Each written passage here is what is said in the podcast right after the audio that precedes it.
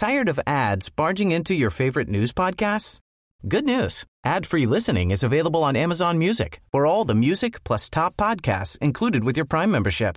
Stay up to date on everything newsworthy by downloading the Amazon Music app for free or go to amazon.com slash news ad free. That's amazon.com slash news ad free to catch up on the latest episodes without the ads. Und heute steigen wir tatsächlich in die erste Liga auf. Das glaubt ja kein Mensch! Und ab geht's! Varmt välkomna till ett nytt avsnitt av Stamplats. Denna vecka är lite speciell för att jag och Filip, min kära vän, har inte riktigt fått ihop våra scheman. Så vi spelar in ett speciellt avsnitt i det avseendet att jag spelar in, pratar lite Bundesliga, pratar lite kort om eh, det senaste kring silly season. När jag spelar in det här är det tyska fönstret inte stängt ännu. Vi kommer ge en större summering nästa vecka. Jag kommer prata kort prott. Jag kan inte ens prata. Hur ska det här gå? Jag ska kort prata om eh, landslagsuttagningen också. Det kommer vi också ta mer nästa vecka, jag och Filip tillsammans. För att det är då det är landslagsfotboll igen. Och jag kommer ge er min eh, lilla taste på Champions League-lottningen. Så uh, liten specialare, enkelt sagt. Och efter mitt fina snack, förhoppningsvis tycker ni det är fint, den här monologen, så kommer ni få höra Philips vackra skånska stämma. Den är väl skånska? Ja, jag tror det. Skånska stämma prata om det levande helvetet, Zweite Bundesliga. Fantastiskt, eller hur? Så ja, då kör vi helt enkelt. Om vi tittar till fotbollen som har spelats i Bundesliga och då pratar jag om omgång två, Spieltakt 2 förra helgen, så var det minst sagt väldigt händelserikt. Det började ju extremt händelserikt, får man lov att säga, när eh, Red Bull Leipzig, nej, så heter de inte, Rasenballsport Leipzig, tog emot Stuttgart. Eh, Leipzig som hade åkt på en torsk i första omgången mot Bayer Leverkusen med 3-2 ville ju på något sätt ta revansch nu och eh, det såg inte så bra ut i första halvleken för att Stuttgart ledde ju genom Gurassi med 1-0. Men sen, sen gick propplocket och det slutade med hela 5-1 för Leipzig. Man kan ju minst sagt diskutera Nybils ingripande i Stuttgart-målet. Men det vi definitivt kan understryka är ju att Leipzig offensiva kraft med Dani Olmo i, i spetsen och Xavi Simons lånet från PSG och nyförvärvet och rekordnyförvärvet rättare sagt, Luis Openda. Så det finns så mycket offensiv kraft i detta Rasenballsport Leipzig så det, det ska verkligen bli spännande att se om de också kan ha balansen och ha när jämna nivån. För att det är ju det som har varit deras svaghet. Att de, de har visat extrema toppar, men de har inte kunnat hålla det jämnt hela tiden för att dalarna har varit alldeles för låga. Så eh, det här var ju ett ordentligt styrkebesked från Leipzig som eh, bokstavligen eh, smällde igång den här omgången som vi fick bevittna förra helgen. För att under lördagen blev det också målfester på olika platser. Vi kan ju definitivt lyfta, och det ska vi göra, Svanbergs Wolfsburg som vann med 2-1 borta mot Köln. Jonas Wind, dansken, slog till igen med en dubbelmacka. Han har ju nu gjort fyra mål på två matcher. Och i Kicke skrev de så fint “Wieder Wind som storm vet”. Alltså hur vinden blir till storm. Och det är ju verkligen så. Vind har ju visat en enorm styrka och Lewandowski var och pratade om honom, jag tror för något, någon säsong sedan och eh, verkligen hyllade dansken för att han har ju de här kvaliteterna att verkligen leverera på en hög nivå. Han har fysiken, han har storleken. Nu får vi bara se om han tillsammans med Wolfsburg kan hålla en, den här höga nivån som de vill hålla. Och Det som var roligt ur svenskt perspektiv var ju att Svanberg återigen stod för en assist fram till vind. Och i tysk media och bland tyska journalister pratar man verkligen om Svanberg av en av de bästa mittfältarna, centrala mittfältarna i, i ligan faktiskt i dagsläget. För att han, han har visat en riktigt fin form. Han har ju också den här touchen, han har blicken. Så fortsätter Svanberg på det här spåret ska det bli väldigt intressant att se vad framtiden har att ge honom helt enkelt. Ja. Sedan hade vi ju ett Ruhr-derby mellan Bochum och Dortmund. Och, mm, jag skrev ett blogginlägg på Fotbollskanalen. Jag har min blogg där. Och Då skrev jag om Dortmund och att de på något vis inte har vaknat riktigt ur den här mardrömmen efter fjolåret. Deras magplask kring att tappa ligan och allt kring detta. Och det, det, är ju någonting där för att det var så jäkla dålig första halvlek mot Bochum. Alltså det, de vann inga dueller. Det fanns inget som helst spel där. Och nej, Jag blev eh, väldigt chockad över deras uppträdande. För att det, det, det var så oceaner mellan lagdelarna och man försökte på långbollar hit och dit. Men nej, det var riktigt dåligt. I en annan halvleken skeppade man till sig och lyckades näta då genom malen igen. Men 1-1 mot Bochum. All respekt till Bochum. Jag vet att det är ett derby, det är en speciell match, men det här är en match som man måste vinna. Punkt slut. I, så här kan man inte uppträda om man nu ska utmana om titeln. Och med tanke på konkurrensen så nej, det, det ser inte bra ut i dagsläget för Dortmund tycker jag. Inte alls. Men med det sagt, nu väntar en omgång till innan landslagsuppehållet och det är kanske där nystarten kommer lite lätt och att de får lite mer energi och kommer in i det hela. De har ju också värvat, det kommer vi till lite senare.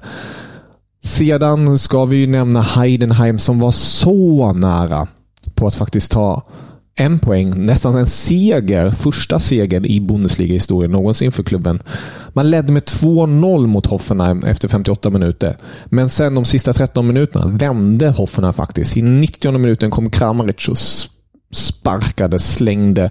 Ja, han nätade enkelt sagt 3-2 målet för Hoffenheim som Ja, ehm, satte sig själva i en liten konstig sits där. Men eh, de kan i alla fall vara nöjda med att de tog med sig tre poäng, för det är i slutändan bara det man kommer titta på när säsongen kommer summeras. Och Heidenheim, ja, de får helt enkelt slicka såren och försöka ladda om på nytt. Men eh, den matchen som jag tyckte var härlig på ett och annat sätt var ju den mellan Darmstadt och Union Berlin. Det var en väldigt händelserik match. Vi fick se Darmstadt på hemmaplan. De fick en riktig käftsmäll efter knappt fyra minuter när nyförvärvet Robin Gosens gjorde startdebut och gjorde mål direkt. Ett annat nyförvärv, lånet Brandon Aronson, ja, han hade det inte så bra. Efter 21 minuter fick han redan gult kult och därmed rött. Och kort därpå gjorde Darmstadt 1-1. Men Robin Gosens, landslagsspelaren, han smällde dit en till balja. Och därefter självfallet Kevin Behrens med huvudet igen. Och sist men inte minst Danielo Doecki med 4-1 mål som också blev slutresultatet. Och det är ju på något sätt Union Berlin just nu. Alltså det är så jäkla häftigt att se hur de tar sig ur vissa situationer och också hur vissa, eller vissa, alla egentligen, alla nyförvärv integreras i det här laget och verkligen passar perfekt in som Robin Gosens gör. Han, han, han andas i Union redan. Det, det känns så givet. Alltså, att om han hade gått till Wolfsburg, det hade bara känts fel. För nu när man ser honom med Union-tröjan, det känns så himla rätt. Och eh, i inspelade stunden, eller talande stunden, eller vad vi ska kalla det nu, så är ju faktiskt Bonucci i Berlin för att göra läkarundersökningen för att bli klar för Union Berlin. Och det är en, aj, jag vet inte, det är en så galen vändning. Vem fasiken hade trott att Bonucci skulle gå till Union Berlin? För fem år sedan var Union i Zweite Bundesliga och nu, nu ska de spela Champions League och Bonucci ska vara i försvaret. Men vi ska inte ta saker för snabbt. När ni lyssnar på det här är han kanske redan klar. Eller det kanske inte har blivit av. Vi såg hur det gick med Isco-affären. Det blev plötsligt ingenting. Så vi får helt enkelt avvakta och se. Kvällens tillställning var ju en fin tillställning för Xabi Alonsos manna på lördagen när Glattbach stod för motståndet. Leverkusen, ja, jag vet inte. Alltså det, det är som alla säger det laget som Alonso och rättare sagt sportchefen Timon Rolfes har lyckats eh, skrapa ihop är ju så riktigt, riktigt bra. Eh, Victor Bonifaz eh, slog till igen. Han gjorde faktiskt två mål nu mot Gladbach. Jonathan Haas står också för en balja. Men det som verkligen ska hyllas är ju helheten. Hur Leverkusen ställer upp, hur de spelar fotboll. Spelidén är så tydlig. Eh, de har en fin dynamik sinsemellan nyförvärven, de känns som att de redan har spelat där i en, två säsonger. Det, det, är så jäkla bra på så många sätt och vis. Och i mitten där har vi bland annat Granit Xhaka som är den här ledaren som Alonso ville ha. Den här rutinerade pjäsen som dirigerar, stöttar och verkligen eh, ger laget det här modet. Och Nej, alltså det här kan gå riktigt bra. Det här kan bli riktigt bra rättare sagt. För detta Bayer Leverkusen som verkligen eh, på något sätt eh, får en att tro att de kan utmana. Eller ja, det är ju alltid svårt att säga det i Bundesliga i dessa tider. Speciellt när Bayern München har en Harry Kane också i truppen. Man ställde sig mot Augsburg i söndags. Det blev Mål efter 32 minuter. Självmål. Eh, Gnabry som spelade in och sen kom Udokai eh, med självmålet i Augsburg-kassan. Och sen kom Harry Kane med två baljer och de var riktigt läckra. Davis stod för framspel bland annat. Koman gjorde också väldigt fint, eh, fina hockeyassist. Och det här Bayern München, det, det, ser riktigt starkt ut med, med Harry Kane i spetsen och har den här variationen. Alltså nu spelar man senast med Koman, Gnabry Sané ner bakom Kane.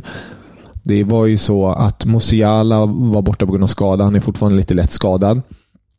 Müller hoppade in sen med Tell bland annat. Fin, fint att kunna rotera så, men att ha den här flexibiliteten. Men framför allt det man hade förra året, då hade man en enorm flexibilitet. Men det, det ledde ju typ till ingenting, för ingen visste riktigt vad någon annan skulle vara och det blev bara pannkaka.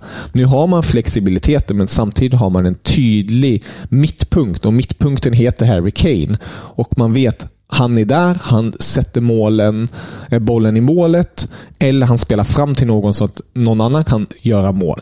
Så Den här kombinationen är ju otrolig på så många sätt och vis. Så ja, alltså, självklart bär Leverkusen med det laget de har och eh, på något sätt den här visionen som Alonso försöker få fram är ju väldigt lovande. Men samtidigt har jag svårt att se att man, man kommer slå Bayern München. Men de kommer nog göra det svettigt ändå för, eh, för FCB. Ja, det var lite kort förra omgången som har varit. Eh, jag tänker, jag var ju lite inne här på nu med övergångar. I skrivande stund har ju inte Gravenberg blivit klar för Liverpool. Det ser ut att bli klart. 40 miljoner euro plus 5 miljoner bonus snackas det om riktigt fint för Bayern München med tanke på att förra året köptes han för knappt 20 miljoner. Ja, han är, han är en stor talang, han är ung, men med tanke på att han inte riktigt behövs i Bayern, att få in de pengarna och kunna värva in en sexa som Torsjö vill ha. Och Det ser ut som att det blir Fulhams portugisiska mittfältsherre Palinja, som är 1,90 lång, han är stor, han är stark. Han är verkligen den där sexan som eh, Tuchel vill ha. Eh, så är det här ju perfekt. Där snackas det om ish 60 till 70 miljoner euro. Nu vet jag inte riktigt vart punden och euron står, men pundmässigt är det enligt Sport 1 att man betalar 50 pund och eh, add-ons på 8 och sedan eh, ja, eh, får valutakursen se vad det är i euro. Men det är i dagsläget i, i inspelade stunden så att eh, tränaren Silva har godkänt detta. Palinja är på flyget till München eh, och eh, kommer sedan genomföra läkarundersökningen om Fulhams styrelse godkänner detta. Samtidigt är Gravenberg på flyget till Liverpool, så det är en deal som kommer förmodligen gå igenom. En deal som har redan gått igenom är ju att Niklas Füllkrok har gått till Dortmund. Dortmund har nu värvat den tyska landslagsanfallaren Niklas Füllkrok. Och det är ju en, eh, ett tydligt statement på alla sätt och vis. För att de har ju varit rädda för om Haller blir skadad, eller framförallt för att Haller ska ju på Afrikanska mästerskapen i vinter. Då behöver man en ersättare. Och man litar inte fullt ut på Mokoko eh, i Filip Wolins eh, förträffliga tycke. Han är ju en stor motståndare till Mokoko. Men det betyder då att man har fyllkrok och det skapar också en enorm konkurrens och också flexibilitet skulle jag vilja påstå. Alltså nu kan man plötsligt spela med två riktigt stora anfallare om man plötsligt vill forcera fram på planen. Eller om han lär, är trött och man vill få ny kraft eller man vill ha en annan spelstil. För fyllkrok och han är inte riktigt samma, men de är ändå nior. De är ändå extremt farliga i boxen. Så jag, jag tycker att det här är en riktigt spännande vävning och rolig vävning på alla sätt och vis. Mokoko tycker nog inte lika roligt. Eh, I dagsläget ser det ut som att Atalanta vill låna honom. Dortmund är villiga att eh, låna ut honom. Om spelaren själv vill det. Det är fortsatt oklart. Bella Kotschap eh, har ju ryktats till Dortmund, men kommer inte bli av nu med tanke på att man har värvat Fyllkrok. Bayern är intresserade. Kan bli något där fortfarande. Det är oklart. Vi kan även notera att Berisha har gått från Augsburg till Hoffenheim. Fin värvning där. Vi kan också notera att Sar, svensken, har lånats ut från Lyon till Wolfsburg. Så nu får Svanberg en svensk lagkamrat. Och eh, som vi var inne på tidigare, Bonucci ser ut att bli klar för Union Berlin. Men mer om Silly och allting kring det nästa vecka. Då kommer jag och Filip summera det hela, enkelt sagt. Om jag bara ska ta kort min take på Champions League-grupperna för tyska lagens del så Aj, jäklar. Det här var smaskigt. Grupp A. Bayern München, Manchester United, Köpenhamn, Galatasaray. Jäklar, jäklar, jäklar. Det här är en riktigt fin grupp tycker jag. På alla sätt och vis. Vi har ju ett United som är på, på någon form av uh, ny kurs med Erik Ten Hag. Eh, lite svajig säsongstart, men eh, de har ju ett starkt lag. Lite ironiskt att det ursprungligen var ju de som ville ha Harry Kane eh, långt tillbaka, men nu, nu får de ställas mot Harry Kane istället igen. Och Det här är en grupp som Bayern München borde vinna, tycker jag, på alla sätt och vis. Uh, ur ett svenskt perspektiv är det kul att man uh, har ju i Köpenhamn har ju flera svenskar, i United har man en svensk. Så det blir en, en svensk grupp på ett sätt, skulle man kunna påstå. Galatasaray ska inte underskattas. De har Icardi, det snackas om Sergio Ramos också. Så där finns det mycket att ta i, men det är en grupp som Bayern ska avancera ifrån.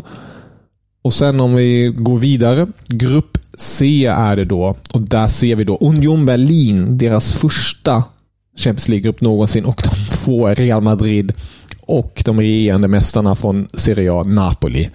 Riktigt mäktigt. Alltså det kommer bli sådan fotbollsfest i Berlin på alla sätt och vis. Att Union Berlin ska ställas mot Die Königs, eh, Die Königsklasse, Die, Die, Die Königen, alltså Real Madrid på alla. Det är, det är så häftigt tycker jag. Ehm, det är väldigt roligt. Eh, Tony Kroos kommer ju då återvända till Tyskland. finns ju också mycket koppling där. Felix Kroos har ju en stark koppling till Union. Eh, det, det, det finns många så små faktorer, många roliga bitar som man kan eh, på något vis sluka sig in i. Men eh, hur som helst, ja, nu är det svårt att se att Union kanske avancerar från den här gruppen till slutspelet Champions League, men en Europa League-slutspelsplats. Det tror jag ändå att man lyckas nå. Sen har vi grupp F. Och det är ju en, ja, en väldigt märklig grupp. Ingen, jag skulle vilja vara, ska inte vara sådana, men det är Paris, Dortmund, Milan, Newcastle. Inget topp, topp lag. Alltså ett lag som är självklar favorit att vinna Champions League. Vissa kanske tycker att PSG har en sån stämpel på sig. Jag tycker inte det. Så det säger ju mycket om hur situationen är där. Så det blir, det blir väldigt spännande att följa detta. Ett Dortmund, som vi var inne på, om de hittar rätt så ska det här gå. Men de kan lika gärna sluta fyra som, som etta faktiskt. Sen har vi Rasenballsport Leipzig som återigen ställs mot Manchester City. Men de har också Röda Stjärnan och Young Boys. Så det är en grupp som de ska kunna avancera ifrån. Och sist men inte minst Flicks landslagstrupp. Det kommer vi också gå med in på nästa vecka, men vi kan ju bara notera att Goretz ska bli petad. Han gick ut i sociala medier och skrev att ja, det är tungt, det är alltid en ära att ta på sig tyska landslagströjan och ja, etc. etc. Men eh, det är också en, på något vis ett tecken av Flick som han sa det att han vill att de här spelarna som har blivit petade, att de eh, på något vis leverera mera. Istället har Pascal Gros, 32-åringen från Brighton, fått chansen nu i A-landslaget för första gången någonsin. Eh, vi, vi får ju också återigen se flera andra spelare som till exempel Malik Thiaw eh, från Milan. Vi har Robin Gosens igen som vi var inne på tidigare. Ingen Neuer. Det är Kevin Trapp, Terstegen och Baumann som är i målet för Tysklands del. Så det blir spännande att se. De ska ställas mot Japan och Frankrike i vänskapsmatcher, men det är inte så mycket vänskap just nu för Tyskland, för de måste verkligen börja leverera och visa något form av spel inför eh, hemma-EM nästa sommar. Mm. Med det sagt tackar jag för mig så kommer Filip nu med härlig, härlig rapport från Zweite Bundesliga. Auf Wiedersehen!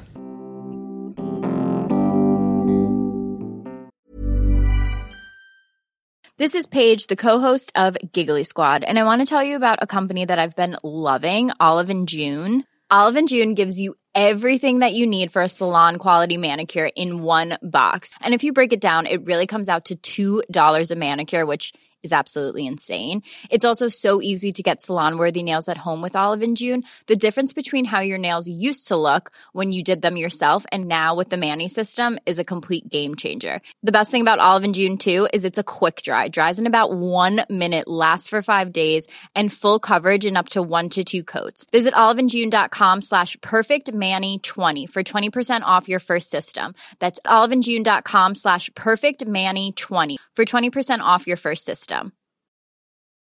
Tired of ads barging into your favorite news podcasts? Good news. Ad-free listening is available on Amazon Music for all the music plus top podcasts included with your Prime membership. Stay up to date on everything newsworthy by downloading the Amazon Music app for free or go to amazon.com slash news ad free. That's amazon.com slash news ad free to catch up on the latest episodes without the ads.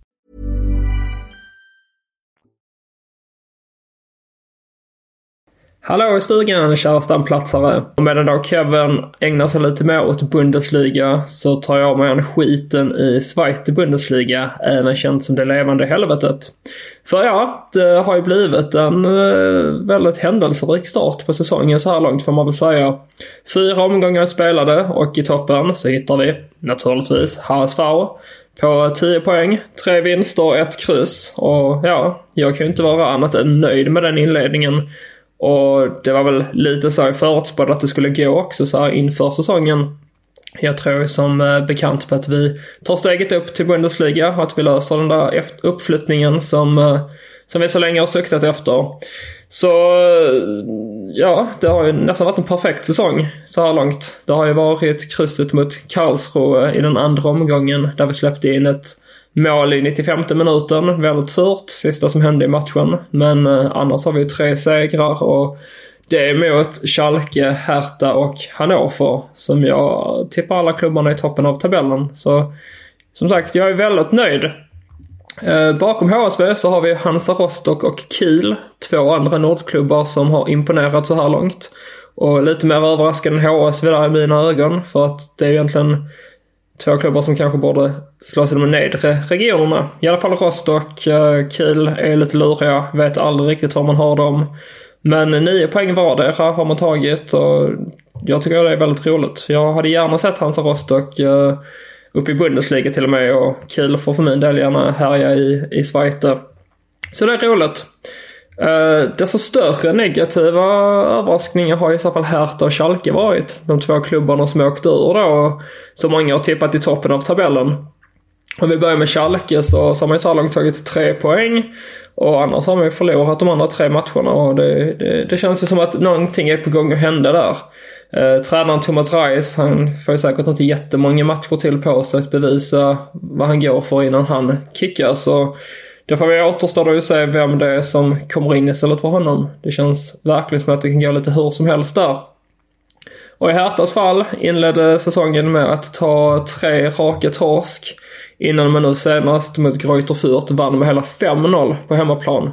En seger man inte ska komma på förhand men kändes som lite proppen ur där efter att ha gjort en sån eländig säsongstart. Så det är ändå glädjande att se. Uh, huvudstadsklubben tror jag inte kommer ta steget upp till Bundesliga nu, utan jag tror det kommer dröja lite längre. Men det är nog viktigt nu att man får igång maskineriet lite, att det uh, snurrar på så att man kan bygga någonting långsiktigt. Det ska också sägas att när detta spelas in så återstår det ju fortfarande nästan ett dygn innan övergångsfönstret bommar igen. Så att det kan ju fortfarande hända saker. Men i Hertha så har vi ju fått se Bilal Hussein komma in ifrån AIK. Och det känns ju som en väldigt spännande spelare. Uh, sen är det väl då Diego eh, uh, Demes ersättare som inte kom till uh, till Hertha eftersom att han ansåg att man hade gjort en för dålig säsongstart. Så att han nobbade helt enkelt Hertha och vi får se var han hamnar istället. Men ja, den kommande omgången är ju Eh, väldigt rolig skulle jag säga så här på förhand. Vi har ju på fredagen Fortuna Düsseldorf mot eh, Karlsruhe. Två klubbar som har gått ganska starkt så här början av säsongen. Står båda på sju poäng så att man är verkligen med i toppen och slåss och känns som det är viktiga poäng som står på spel där. Lördagen då, då har vi ju Magdeborg mot Hertha. Också intressant, se om Hertha kan följa upp det förra helgens storseger mot ett Magdeborg som ligger fyra i tabellen med åtta poäng. Som också då har en bra inledning på säsongen. Så att eh, vi får väl se om Hertha kan rå på dem på bortaplan. Samtidigt på lördagen så spelar ju Vehem Wiesbaden mot Schalke. Och där är det bara tre poäng som gäller för Schalke. Eh, Wiesbaden har ju visserligen överraskat så här långt, tagit sju pinnar. Men alltså det är ju en match som Schalke måste vinna. Annars så kanske det redan är efter den här omgången dags för Rice att eh, få kicken. Kvällen på lördagen, då har vi Kaiserslautern mot Nürnberg. Riktigt, riktigt klassikermöte.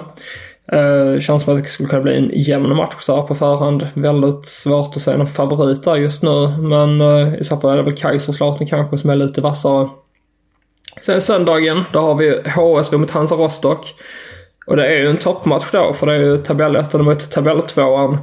Och HSV har än en gång sålt ut sin eh, arena, Folksparkstadion, så att det kommer att vara kokande stämning där. Så det är en match jag verkligen rekommenderar folk att kika på.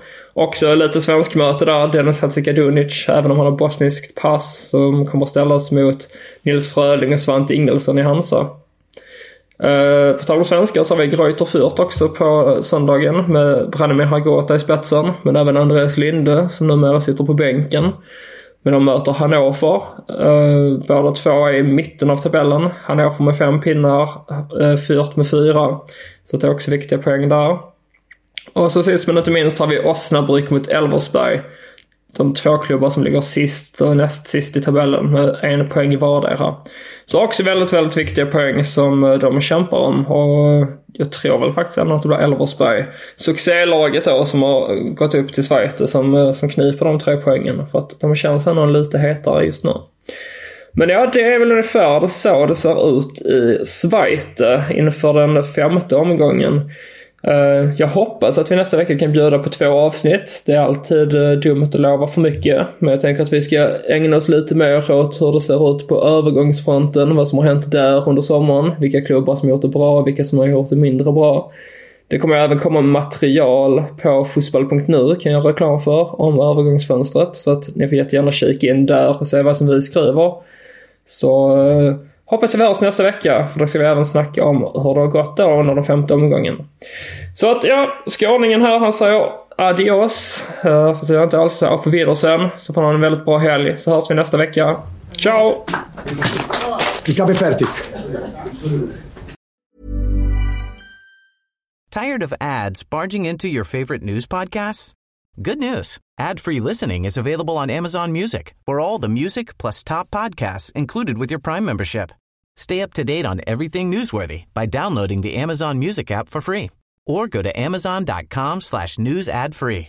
That's amazon.com slash news ad free to catch up on the latest episodes without the ads.